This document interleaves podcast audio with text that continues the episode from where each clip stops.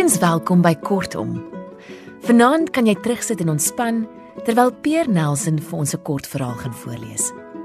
Ons gaan luister na die verhaal Onder by die bote by die rivier uit die pen van Nicole Jakel Strauss. Ek het dit gevind in die bundel As in die mond, uitgegee deur Colerie, 'n druknaam van NB Uitgewers. Lekker luister.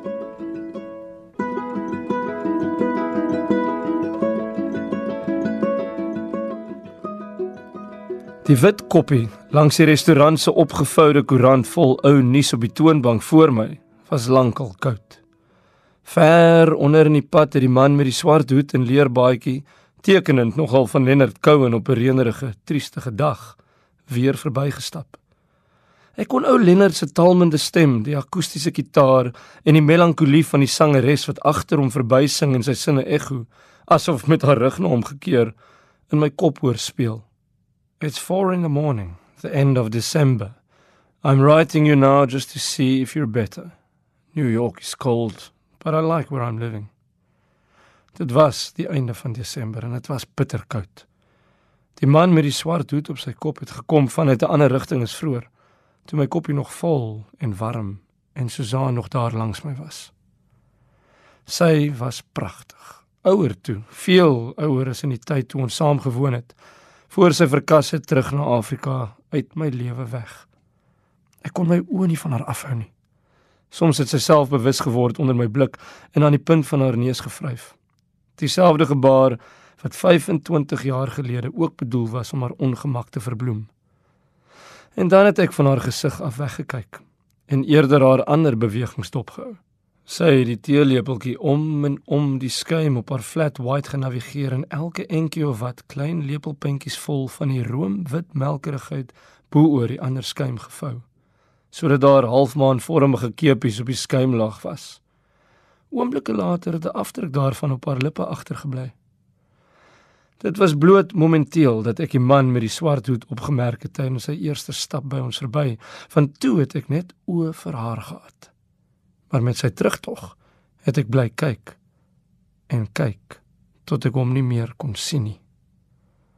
Oor kan die pad was die bome van die park al kaal. Herfs het vinnig verbygegaan daardie jaar. Op die lamppale oor kan Fifth Avenue het die promosieplakate van die Guggenheim gesit. Goudgeel het dit teen die grys agtergrond van die dag uitgestaan. Die gesig van die vrou in die ontwerp, die einste vrou waaraan Susan se hare my met ons ontmoeting jare gelede herinner het, op die plakkaat het star na my gekyk. My loodreg in die oë takseer. Al was ek op die 5de verdieping van die museum. Sy was ver bo die aarde verhewe, ver bo die boonste punt van die lamppaal selfs. En dit was op daardie oomblik wat ek onthou het hoeveel dikker Susan se hare destyds was. Ek kon nie opstaan nie. Ek kon my nie van die plek losmaak waar ek Susan gesien het nie. Die eerste keer in hoeveel jaar en ook die laaste keer. Maar dit het ek nie toegeweet nie. Ek het my hand laat rus op die stoel waar sy gesit het. Die kussing was lankal koud, nes die koppie. Maar dit was nie belangrik nie. Van famous blue raincoat af was dit natuurlik 'n hanetreekie na Suzanne takes you down to her place near the river. Ek moes dit geweet het toe ek die man met die swart hoedjies en loop het in die reën. Ek moes van die man af weggekyk het en nie toegelaat het dat Cohen in my kop kom sit nie.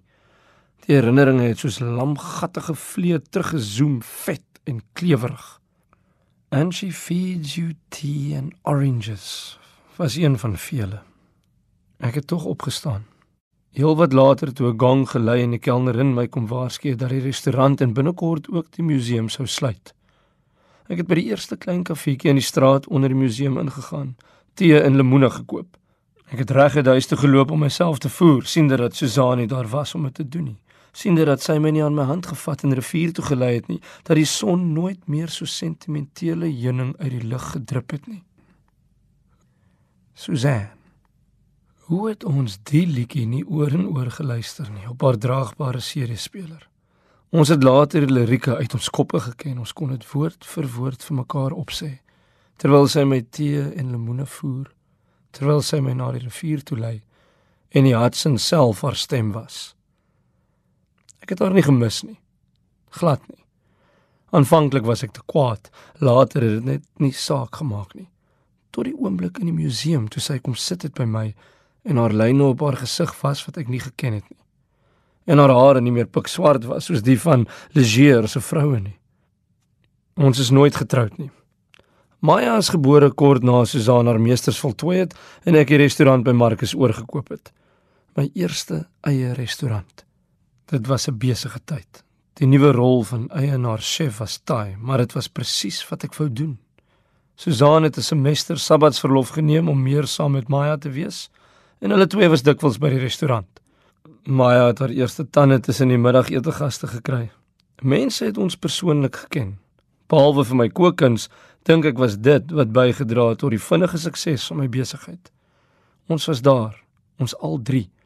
Vir baie klante was dit soos om by vriende of familie selfs te eet. Maar Susan kon nie voltyds ma bly nie.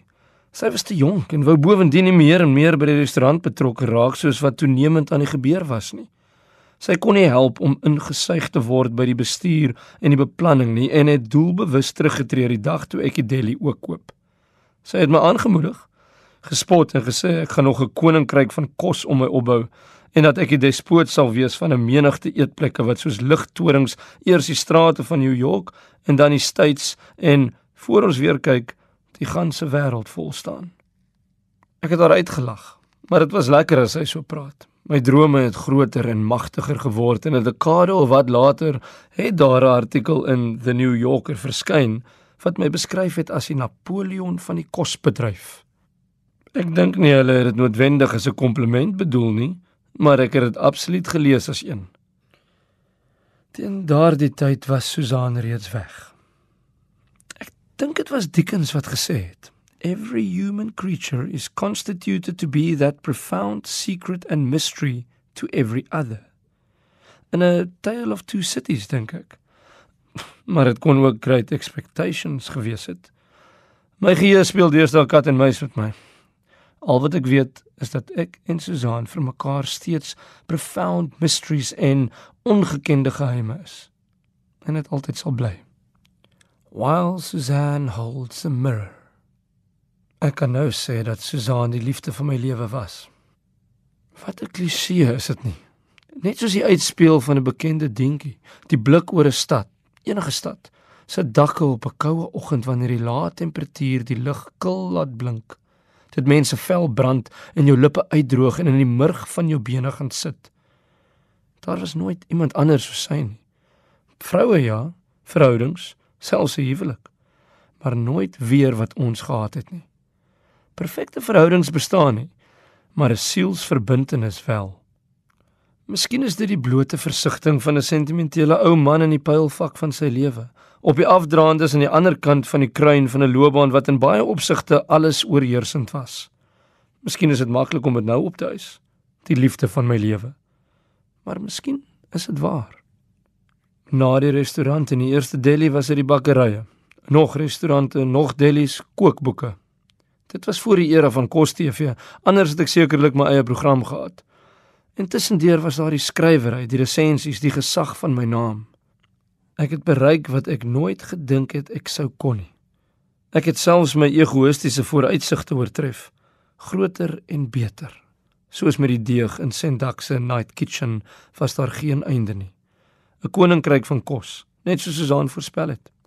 Eetplekke soos intieme kasteeltjies chefs en bakkers en uitvinders en kelners soos ridders ridders wat op hulle knieë voor my sou gaan soms het ek in my studeerkamer gaan staan voor 'n skildery wat Maya vir my gegee het. Sy was op hoërskool. Ek het myself in die harlekin wat op die doek sit se skoene ingedink. Die hofnar. Die een wat die ander vermaak. Die een wat homself verraai. Maar ek het myself nie verraai nie. Ek het gedoen presies net wat ek wou. Terwyl Susan die spieël ophou. Jare gelede, kort na die opening van die gedenkplaas ter nagedagtenis aan die vermoorde Jode van Europa, het ek Berlyn besoek. Wat my bybly van die Joodse museum tot vandag toe het ek nagmerries daaroor, is die items wat die slagoffers saamgeneem het met die vlug uit hul huise. Speelgoed, babaskoene, familiesilwer, briewe, 'n suurlemoen meringue resep, 'n deken, klippe, of die haarlok van 'n dooie kind. Bloed is bloed. Bloed is nie water nie. Geskiedenis is ook nie bloot 'n objektiewe mening nie. Toe die nuus van Susan se dood my 'n paar maande gelede bereik, het ek die suurlemoentert gaan bak. Ek het die resep uitgegrawe, die bestanddele gaan soek by dieselfde winkel waar ons tee en lemoene gekoop het, vir Maya genooi vir koffie by my huis. Ek kon natuurlik nie die meringue kry soos my ma dit gemaak het nie. Maar dit was beter as Susan se poging die dag toe ek haar na die ashoop gestuur het met haar verslae skouers en verwerpte offerande. Maya het gesê dat sy al jare lank op soek is na die beste suurlemoenmeringue in die stad. Sy onthou die dag, sê sy, toe ek en sy en Susan by haar ouma, my ma, in 'n woonstel buite Kaapstad gaan kuier het. Hulle het suurlemoenmeringue tert geëet terwyl my ma heeltyd oor Susan se kaal wit hande streel. Ek, sê Maya, het geweier om my mond aan die tert te sit. Ek het geen herinnering hoe genaamd aan so 'n dag nie. As Maya nie my ma se woonstel en voortrekker weg met presiese detail kon beskryf nie, tot die ronde eetkamertafel en die menger in die kombuis, sou ek gedink het sy maak dit op. Ek weet wel dat ek my hele lewe lank suurlemoenmeringue en peppermint crisp terte verpes het. Want dit is wat my en my ma aan die lewe moes hou. Die terte vir die tuisbedryf. Voor ek die suurlemoentert gebak het, het ek vir die eerste keer die resep gelees. Ja, ek het gehuil toe ek my ma se handskrif sien. Geruik en geruik aan die papier in die hoop dat ek tog iets van haar sou inasem, al was dit die gewraakte reuk van pepermint maar daar was geen reuk meer oor nie. Net die skurfheid van ou papier, die dowwe herinnering van ink wat eenmal vars op die oppervlak was. Maya sê my lemon meringue is lekkerder as Baltasar se en amper so lekker soos my ma se, maar nie heeltemal nie. Daar is deesdae suurlemoenterte op al ons spyskaarte en die heel terte vlieg van die deli se rakke af waar dit staan tussen die kaaskoek en crack pies wat al hoe minder aftrek kry. Kort kort wil een van my ambisieuse konsultante die resep verander, 'n moderne toevoeging maak. Kardemom, narkieskel, klapper. Bid jou dit aan. Maar ek weier so volstrek soos wat peperment druppels steeds 'n verbode middel is.